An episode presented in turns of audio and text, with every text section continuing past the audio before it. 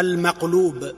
وقسموا المقلوب قسمين إلى ما كان مشهورا براو أبدلا بواحد نظيره كي يرغبا فيه للإغراب إذا ما استغربا. ومنه قلب سند لمتن نحو امتحانهم إمام الفن في مئة لما أتى بغدادا. فردها وجود الإسنادا وقلب ما لم يقصد الرواة. نحو إذا أقيمت الصلاة. حدثه في مجلس البنان. حجاج عن ابن أبي عثمان. فظنه عن ثابت جرير.